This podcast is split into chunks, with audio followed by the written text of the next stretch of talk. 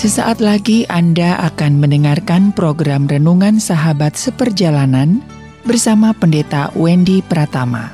Selamat mendengarkan.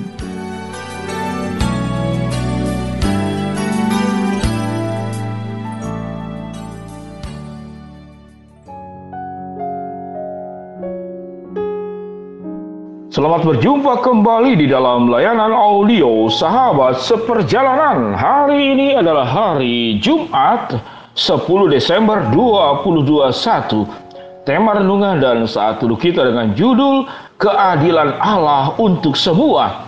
Keadilan Allah untuk semua. Firman Tuhan terambil dalam Mazmur 65 ayat yang ke-8. Demikian bunyi firman Tuhan.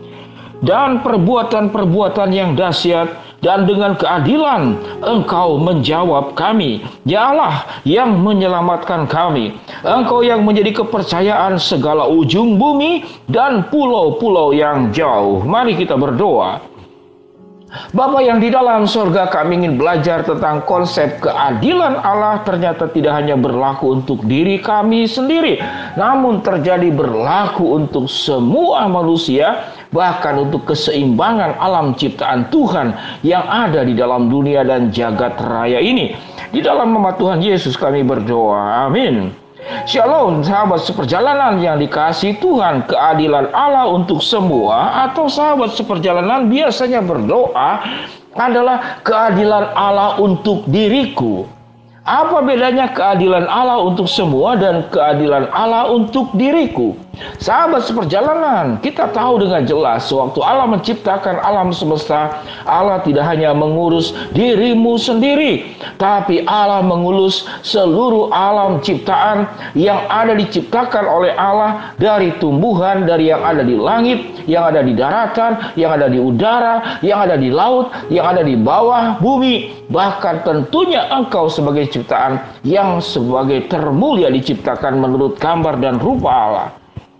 Sahabat seperjalanan, sewaktu kita hanya berpikir tentang keadilan Allah hanya untuk diriku saja, maka pada saat itulah engkau sedang bertindak tidak adil ke dalam kehidupan ini.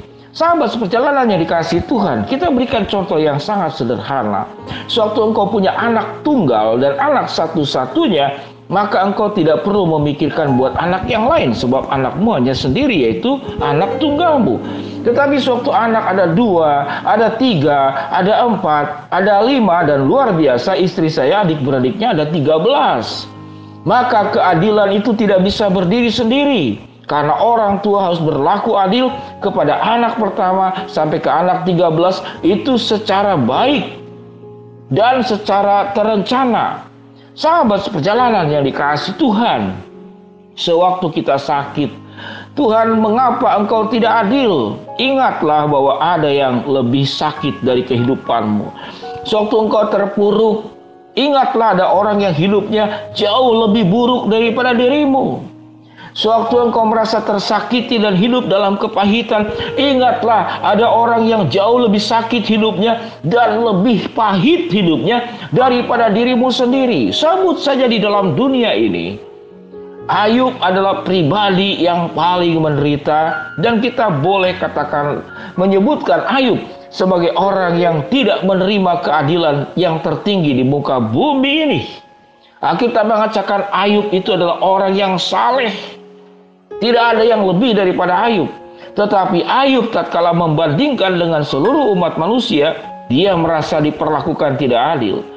Tetapi Ayub tatkala membandingkan dengan Yesus yang berkorban, yang menderita secara manusiawi, secara duniawi, tidak ada hal yang baik yang diterima oleh Yesus.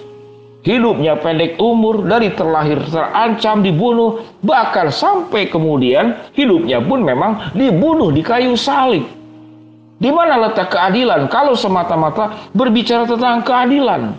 Sahabat seperjalanannya dikasih Tuhan.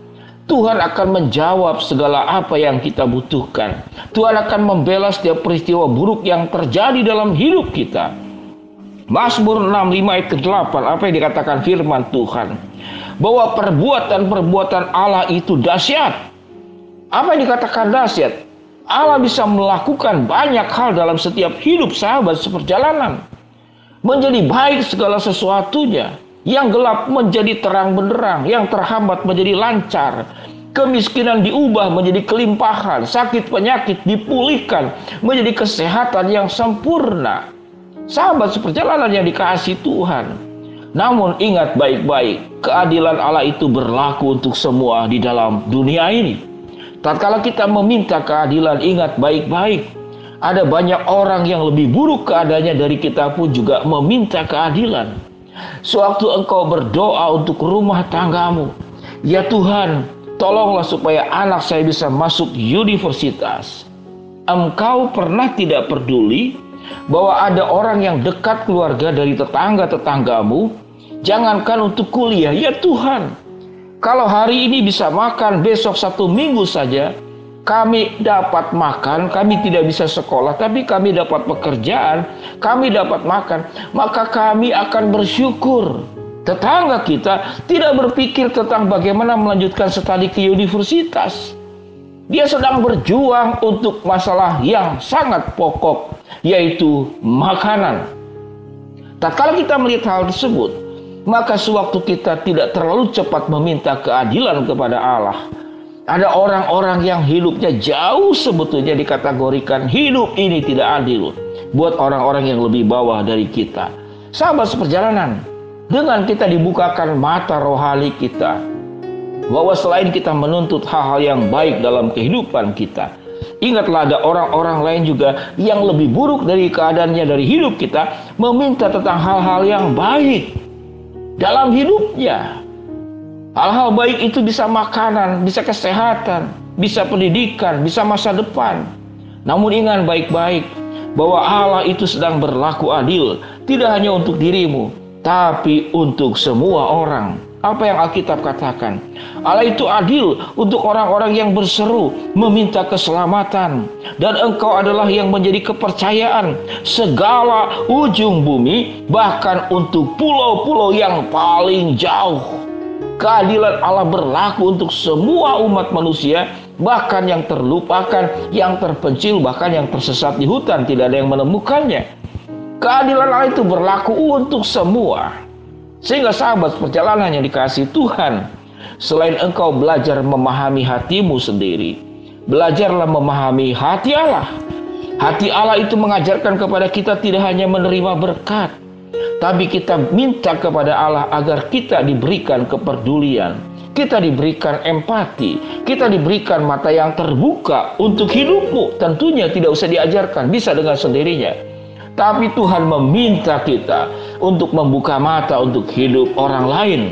Sahabat seperjalanan, saya bersyukur Tuhan kirimkan orang-orang yang mendukung pelayanan pribadi saya dalam pelayanan anak-anak asuh mereka melihat mereka tidak bisa mengerjakan, tapi mereka bisa mendukung pelayanan ini. Tatkala saya melihat ada banyak hidup orang lain termasuk anak asuh yang tidak seberuntung daripada sahabat seperjalanan, yang tidak seberuntung saya pribadi. Maka kita melihat bahwa ada ketidakadilan dalam dunia yang berdosa ini yang tanda kutip dialami oleh orang-orang lain yang melebihi kesusahannya daripada diri kita. Mari sahabat seperjalanan, Sebelum kita meminta keadilan Allah untuk diriku, biarlah kita boleh terbuka mata kita bahwa ada banyak orang yang sedang meminta keadilan dari Allah yang hidupnya lebih buruk dari kita. Kita percaya Allah Maha Dahsyat bisa melakukan perkara-perkara yang luar biasa untuk dirimu, tapi Allah juga Maha Dahsyat Allah juga sumber keselamatan untuk orang-orang lain yang Alkitab mengatakan engkau yang menjadi kepercayaan segala ujung bumi dan pulau-pulau yang jauh. Mari kita berdoa. Bapa yang di dalam sorga, ajarkan kami tidak hanya meminta keadilan untuk diri kami sendiri, namun ada banyak orang yang sedang meminta keadilan dari Allah yang hidupnya lebih terpuruk, lebih buruk, kondisinya lebih bawah daripada kami semua. Bapa dalam surga hambamu berdoa buat yang sedang sakit Tuhan jamah sembuhkan. Bagi yang sedang menghadapi masalah Tuhan bukakan jalan. Yang sedang berdoa memohon dan mengharapkan sesuatu Tuhan akan kabulkan sesuai dengan waktu rencana dan kehendakmu. Di dalam nama Tuhan Yesus kami berdoa. Amin. Shalom sahabat seperjalanan. Keadilan Allah untuk semua tidak hanya untuk dirimu. Tuhan memberkati kita semua. Amin